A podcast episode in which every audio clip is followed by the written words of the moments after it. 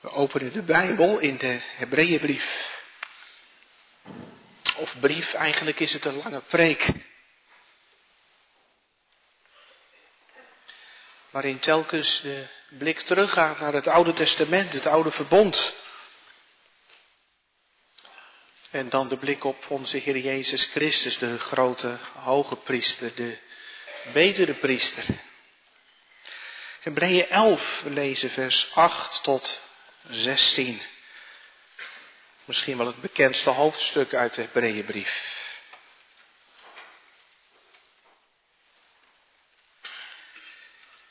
Hebreeën 11 vers 8, daar klinkt het woord van de Heer als volgt. Door het geloof is Abraham toen hij geroepen werd gehoorzaam geweest om weg te gaan naar de plaats die hij tot een erfdeel ontvangen zou. En hij is weggegaan zonder te weten waar hij komen zou. Door het geloof is hij een inwoner geweest in het land van de belofte als in een vreemd land en heeft hij in tenten gewoond. Met Isaac en Jacob, die mede-erfgenamen waren van dezelfde belofte.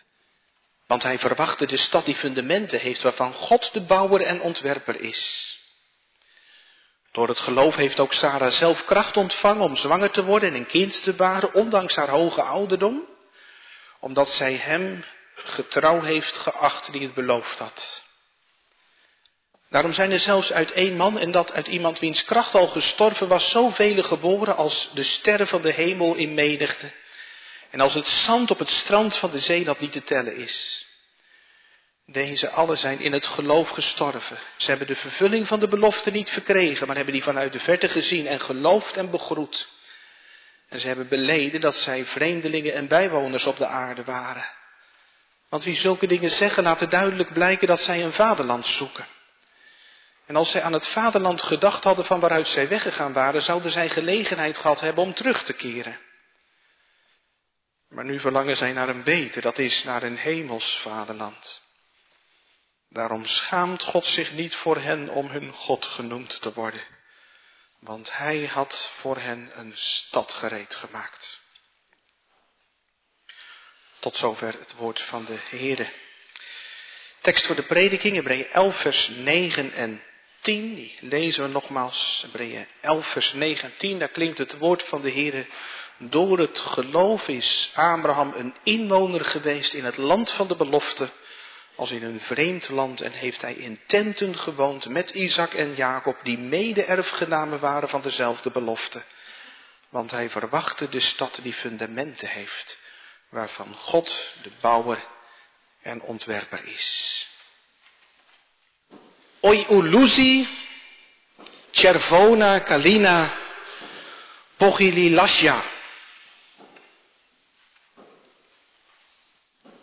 Ja, daar maak je niks van, hè?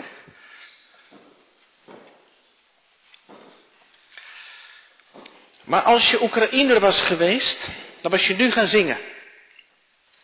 Want die woorden die raken een gevoelige snaar in het hart van een Oekraïner. Het is zeg maar het volkslied van Oekraïne in oorlogstijd. Je hoort het nu in Oekraïne op de radio, in de metro. Mensen maken er een ringtoon van. Misschien hebt u in het achterliggende jaar ook van tijd tot tijd een filmpje op het nieuws gezien uit Oekraïne waar mensen aan het schuilen zijn in het metrostation omdat er raketten en drones aankomen van de Russen en dan beginnen ze elkaar moed in te zingen. Er begint er één en anderen vallen in. En eigenlijk was ik wel benieuwd, wat zingen ze nou eigenlijk? En ik moest er even moeite voor doen, maar toen stuitte ik dus op dit lied. Het gaat over de rode sneeuwbal. Ik weet niet of u weet wat de rode sneeuwbal is. Maar dat is het Oekraïense woord voor de Gelderse roos. Die heeft wit bloesem en rode besjes in de vorm van een bal. Dat is het symbool van Oekraïne. En dat lied dat zingt dan zoiets als waarom ben je treurig, rode sneeuwbal. Want de rode sneeuwbal is verwelkt. En dan zingt dat lied, buig niet rode sneeuwbal, je hebt witte bloesem. Een bloesem, dat is een belofte. Het is een lied van hoop in een bezet land, een land dat onder vuur ligt. Nou zingen de Oekraïners in een bezet land. Je zou kunnen zeggen dat is eigenlijk ook beeld voor een christen in deze wereldtijd, want de aarde is van God. En eens zal het nieuw Jeruzalem van God uit de hemel neerdalen. En dan zullen hemel en aarde als het ware ineenschuiven. En elke tong zal beleiden dat Jezus Heer is. En elke knie zal zich voor hem buigen. Maar nu bezet de vorst van de duisternis de wereld nog. En de brullende leeuw gaat rond. En hoe houden we het vol? Wij zingen liederen van het hemels vaderland. Want we zijn onderweg. Wij zijn pelgrims, leert de Bijbel ons. Het is de vraag of dat heel erg diep verankerd is in ons christen zijn, in ons geloven. Misschien vroeger wel wat meer. Vroeger begon een dominee zijn preek vaak met geliefde medereizigers op weg en reis naar de nimmer eindigende eeuwigheid. Ik denk dat er geen dominee op deze preekstoel meer is die dat op die manier zegt. Maar er zit iets in van we zijn onderweg. En ja, naar de nimmer eindigende eeuwigheid. Het kan twee kanten op, hemel of hel.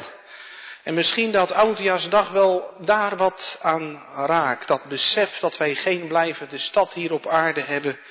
Maar dat we onderweg zijn. En de Heilige Geest wil ons vanavond via Abraham op het goede spoor zetten. Opnieuw op het goede spoor zetten van dat pelgrimsleven. Thema voor de preek. Ik ben reizend naar die stad waar Christus het licht zal zijn. En dan twee dingen. De tent waar Abraham in woont en de stad die Abraham verwacht. Ik ben reizend naar die stad waar Christus het licht zal zijn. De tent waar Abraham in woont en de stad die hij verwacht. Je zou het leven van Abraham in één woord kunnen samenvatten. Pelgrimsreis. En jij weet wel hoe dat zo gekomen is dat die pelgrim werd. Hij heeft een stem gehoord. En niet zomaar een stem, maar een stem met macht. Een stem die Abraham niet kon weerstaan. In Handelingen 7, waar uh, Stefanus een reden houdt, daar verwijst hij naar die stem die klonk in het leven van Abraham. En daar zegt Stefanus, de God der heerlijkheid verscheen aan Abraham. Abraham ontdekte iets van de glorie van God en toen ging hij want die stem was genoeg om zijn oude bestaan op te geven en op weg te gaan naar het beloofde land. Ga uit uw land, uit uw familiekring, uit het huis van uw vader. Laat al je zekerheden los. De goden, want die hebben maar macht tot de landsgrens in het denken van toen. Je sociale zekerheid, want je familie komt voor je op als je aangevallen wordt en die zorgt voor je als je ziek bent. En ook je financiële zekerheid. Abraham had daar natuurlijk inkomen, werk. En hoe zou dat zijn als hij op weg ging? Niemand die het weet. En voedsel? Zou hij het vinden kunnen voor zichzelf en voor zijn vee? Wie moet nu voor hem zorgen? Als je alle schepen achter je verbrandt. Nou, dat doet God. Want er klinkt niet alleen maar drie keer uit, maar ook drie keer ik zal. Ik zal een land aan u wijzen. Ik zal u tot een groot volk maken. En ik zal u zegenen. En je zou kunnen zeggen, dat is nou het christenleven in een notendop. God vraagt het offer van je hele bestaan. Maar God geeft de belofte van een betere toekomst. En dat weegt het zwaarst. Herken je dat? Als christen zijn het offer vraagt van je hele bestaan. We hebben het daar op catechisatie wel eens over. Iets van die aarzeling. Ik zou wel willen, maar ik moet dan wel zoveel loslaten. En dat is heel eerlijk dat je dat voor jezelf constateert. Want christen zijn heeft grote consequenties voor hoe je in het leven staat. Christen zijn is niet, je gaat bij de kerkdienst even in de draaimolen zitten en je wordt geënterteerd en dan stap je weer uit en dan ga je weer verder met je leven. Maar dat is dat de God van de heerlijkheid verschijnt in je leven en dan gaat er een beslissende wissel om. Dan ben je niet meer van jezelf. Ik moet zoveel opgeven, terecht. Je moet alles opgeven, Abraham ook. En wie zorgt er dan voor mij? En wie maakt mijn leven nog een beetje leuk? Nou weet je, als de God der heerlijkheid in je leven verschijnt, dan is dat geen vraag meer.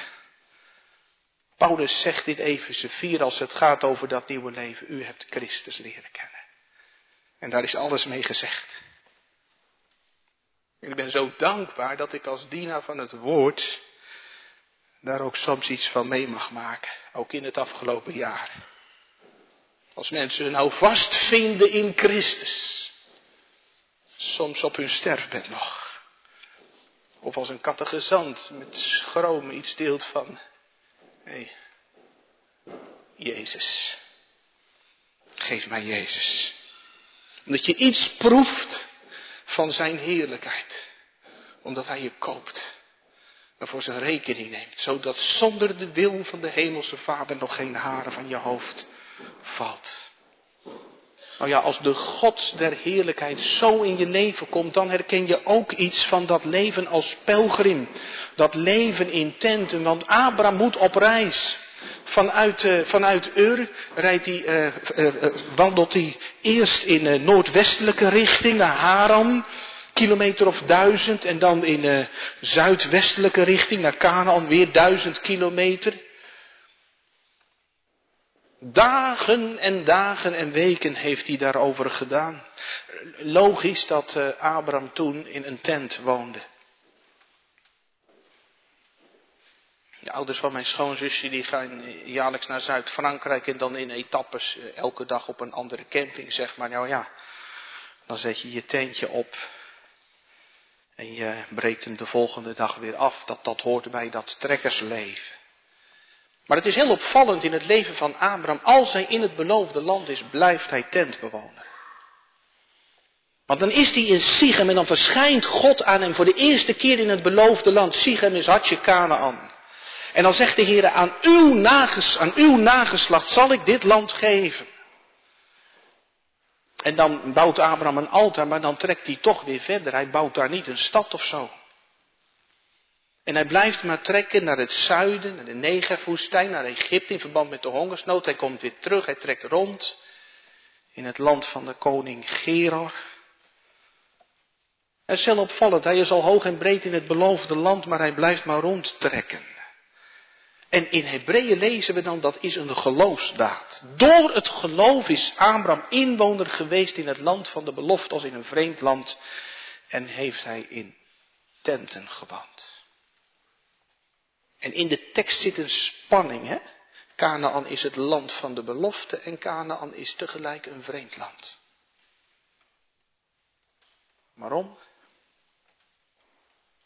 Omdat Canaan niet het land is waar de Heer wordt gediend.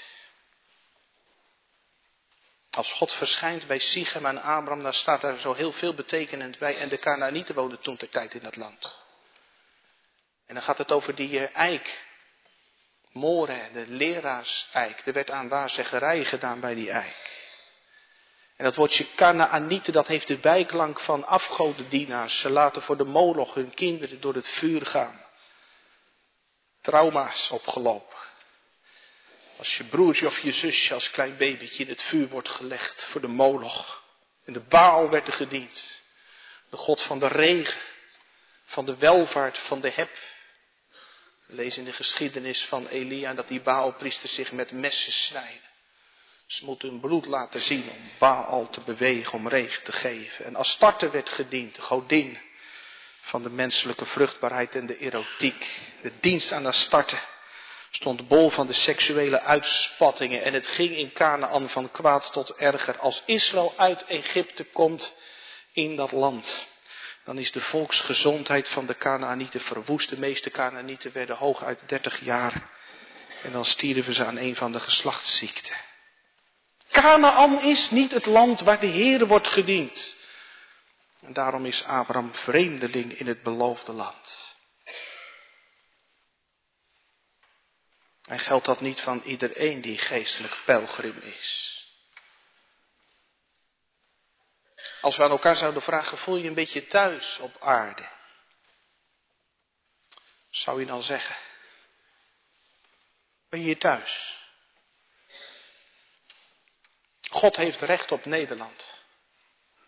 God heeft recht op Woudenberg. De aarde is van Hem.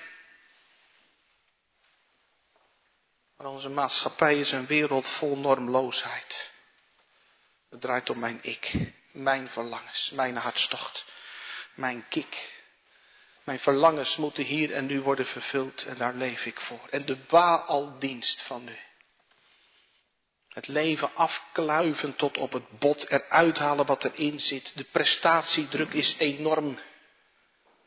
We moeten ons tot bloedens toesnijden. En wat oud en zwak is, is nauwelijks in tel. En daar start de dienst in onze dagen. En daar hoef ik u niet zoveel over te vertellen. Toch de dagen van Lot zijn aangebroken. Een ongelikte maatschappij, alle remmen los. Doe wat je wilt. Hoe vaak word ik via een bushokjesreclame uitgenodigd voor een avontuurtje. Waar slaat dat nou op? Van de week in het nieuws, die Berlijnse filmmaker, die uh, zegt uh, baby's kunnen over een paar jaar opgroeien in uh, doorzichtige groeicapsules in plaats van in de baarmoeder. Dan denk je, wat voor wereld leven wij? En gehandicapte kinderen die mogen eigenlijk niet geboren worden. Dat doe je zo'n kind toch niet aan.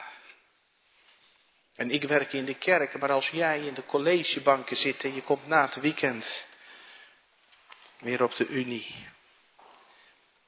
En je bent de enige christen. Hoe was je weekend? En je voelt, dit is zo'n totaal andere wereld. En misschien ervaar je ook wel de zuigkracht van alles wat ons bezighoudt. En via je scherm word je continu gebombardeerd met de denkpatronen van nu. En dan heeft de Hebreeënbrief een boodschap voor je. Die Hebreeënbrief die is eh, bedoeld voor Messias beleidende Joden die achterop dreigen te raken. Vanwege externe druk en interne lauwheid. Het was allemaal heel mooi begonnen met die Hebreeën. Smaad en verdrukking, geduldig hebben ze het geïncasseerd. En geld en goed, het kon ze gestolen worden. Ze hadden een schat in de hemel. En er was veel vrijmoedigheid in het geloof, maar de klad is erin gekomen. In hoofdstuk 2 wordt het beeld gebruikt van een schip dat uit koers is geraakt. Dan dobbert het nog wat. En dan zeg je, ja, lijkt de kerk in het Westen soms niet op een schip dat maar wat ronddobbert op de golven van secularisatie en lauwheid. Misschien las u dat vandaag ook in de krant van dominee Valentin Reshetski. Hoop dat ik het goed zeg. Die bezocht in mei Nederland en toen kwam hij weer terug in Oekraïne. En toen ontdekte hij veel nieuwe gezichten in de gemeente. De ellende door de oorlog met de Russen brengt mensen naar God, zei hij.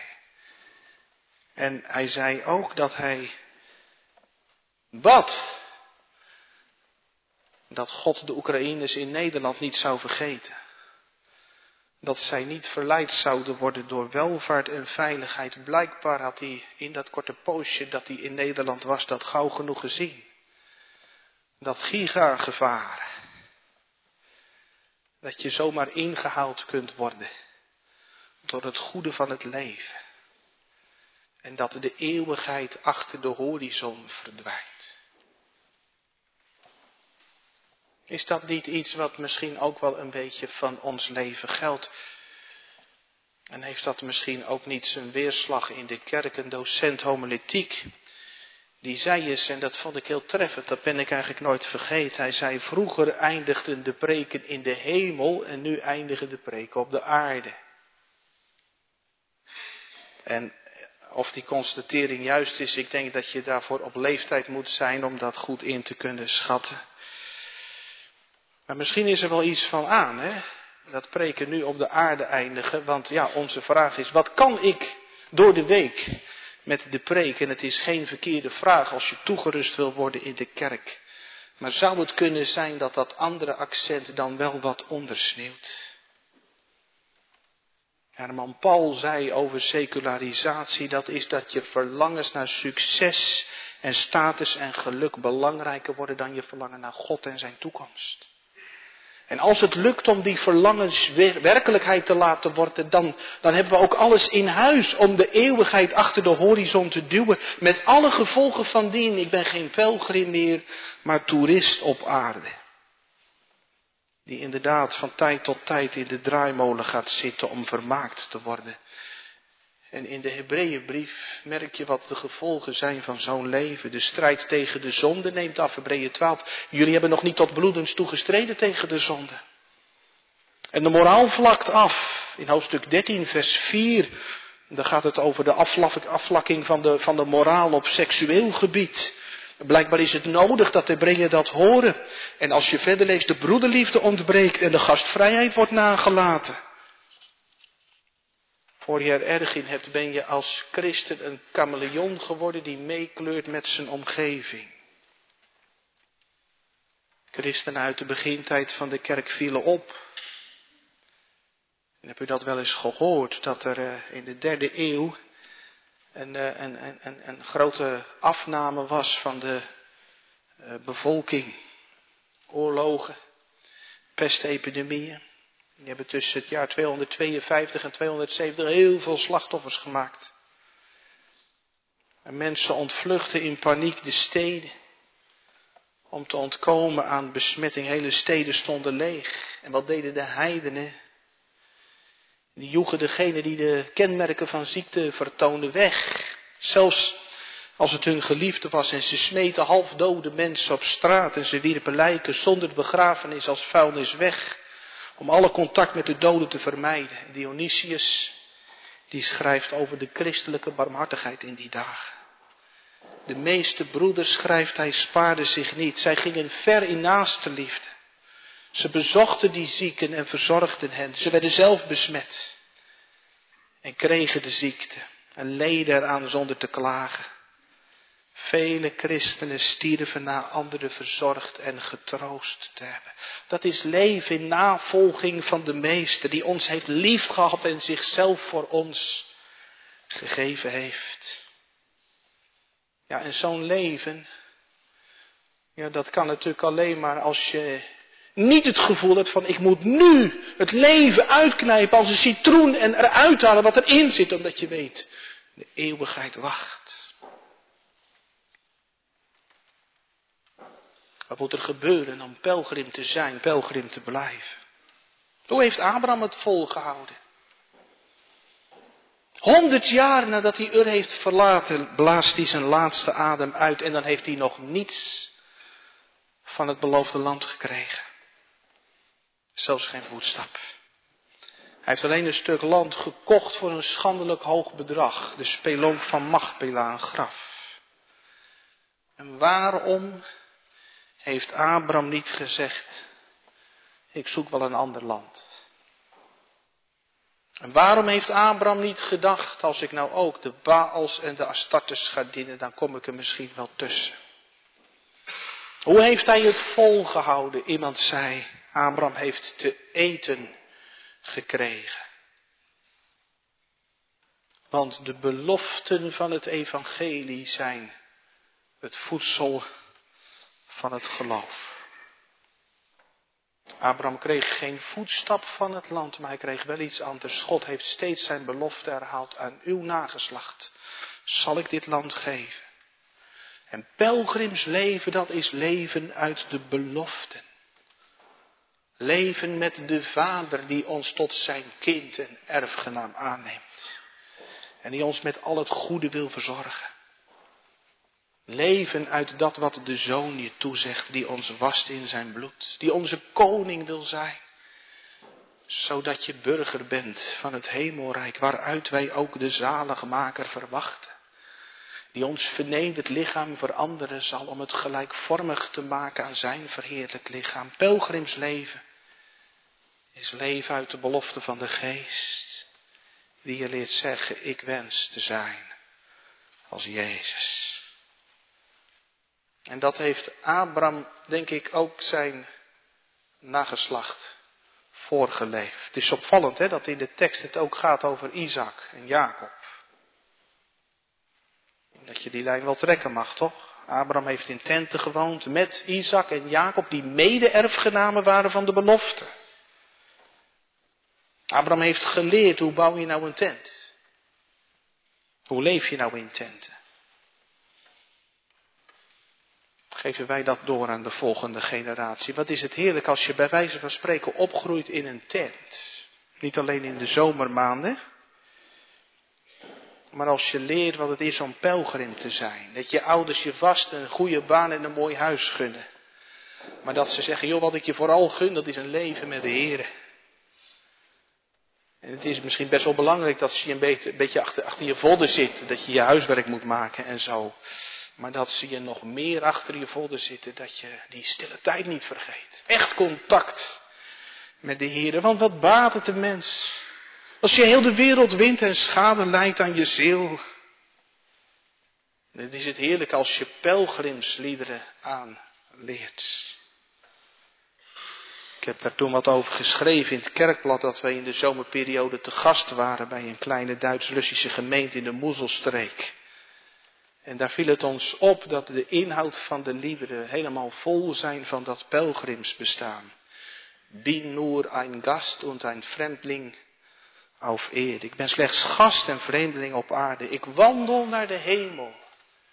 Mijn enige thuis. Zelfs als de reis moeilijk voor mij zou zijn. Als hij eenmaal voltooid is, hoe heerlijk zal het dan zijn.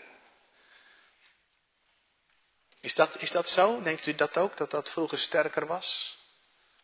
Vroeger, zongen wij dat nog wel eens op de zondagschool. Waarheen pelgrims, waarheen gaat gij? Hoofd omhoog en hand in hand. Wij gaan op des konings roepstem naar Gods huis in het vaderland. De tent waar Abraham in woont. Door het geloof hield hij het vol. En leerde hij hoe langer hoe meer. Om zijn verwachting niet alleen maar te richten op wat hier op aarde was. Maar steeds meer op dat hemels vaderland. Het zou kunnen zijn dat iemand zegt, ja eigenlijk is 2022 voor mij een beetje het jaar geweest van de vervlogen hoop. Waar je vurig naar verlangde, dat heeft God niet gegeven. Het zou zomaar Gods wijsheid kunnen zijn om je hoger op te laten kijken. Net als Abraham, want hij verwachtte de stad die fundamenten heeft, waarvan God de bouwer en ontwerper is. Een stad met fundamenten. Als je wil weten wat fundamenten zijn, dan moet je nou bij de Oosterpoort gaan kijken. 18 meter lange palen, betonpalen, de grond ingeboord. Hartstikke idee. Staat straks die kerk staat, die staat als een huis die kan blijven staan tot aan de wederkomst, zeg maar. Dat is het grote verschil met een tent. Die heeft geen fundamenten.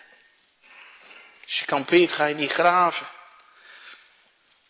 Je moet hem zo weer opbreken. Abraham verwachtte de stad die fundamenten heeft. De stad die eeuwig blijft waarvan God de bouwer en de ontwerper is. De kunstenaar en bouwmeester staat in de oude staatvertaling. De, de, de kunstenaar. Eigenlijk is dat wel een heel mooi woord. God is de kunstenaar van de stad van de toekomst. Dat woord wordt ook gebruikt voor Demetrius, de zilversmid. Ook een kunstenaar. Vak apart. Als je wil weten hoe die stad eruit ziet, hoe de kunstenaar die stad heeft ontworpen, dan moet je doorbladeren naar het slot van de Bijbel. Openbaring. Daar lees je dat Johannes ziet dat die stad neerdaalt uit de hemel bij God vandaan, want die maken mensen niet. En die stad heeft de uitstraling van de steen jaspis, een kristalheldere edelsteen, want die stad straalt als een bruid aangekleed op kosten van de bruidegom. En dan de afmeting van die stad, 12.000 stadien lang en breed. 12.000 stadien, dat is uh, ruim 2200 kilometer van Amsterdam naar Moskou. Overweldigend groot. En Jezus heeft het ook over het vaderhuis met de vele woningen.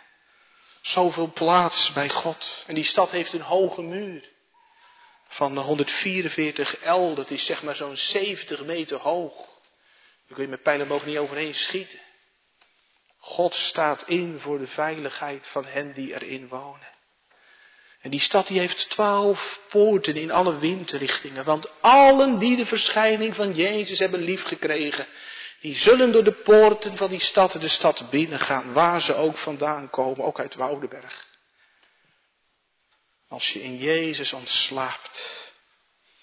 En die stad is vierkant, een volmaakte vorm. En die poorten dragen parels en de straten zijn van zuiver goud, want alleen wat zuiver is, komt er binnen. In die stad is alles zuiver en alles tot Gods eer. En in die stad is geen tempel meer nodig, want die stad is één groot heilige der heiligen. Overal is God te vinden.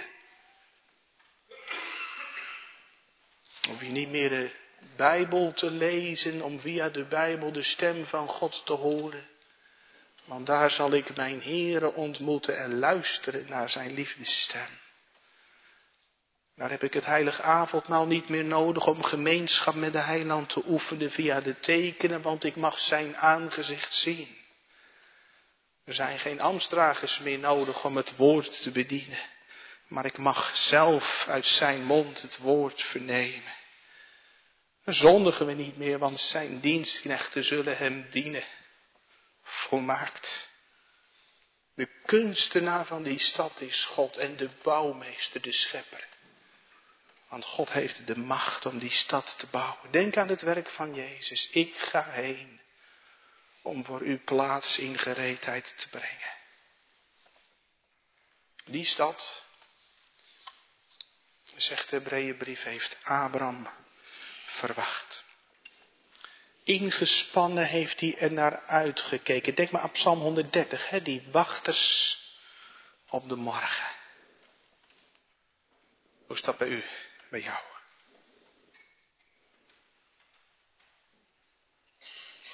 Waar ligt je geluk? Hier beneden. Of in Jezus. Dan ben je tentbewoner.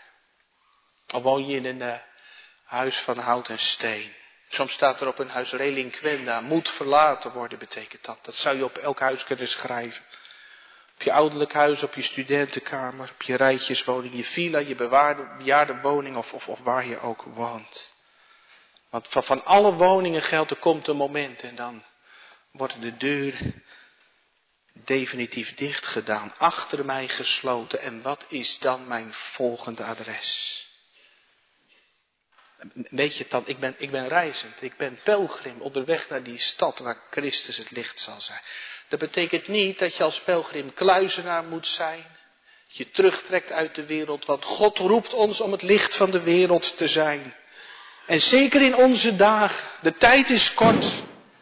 Tekenen van de tijden die liggen er niet om.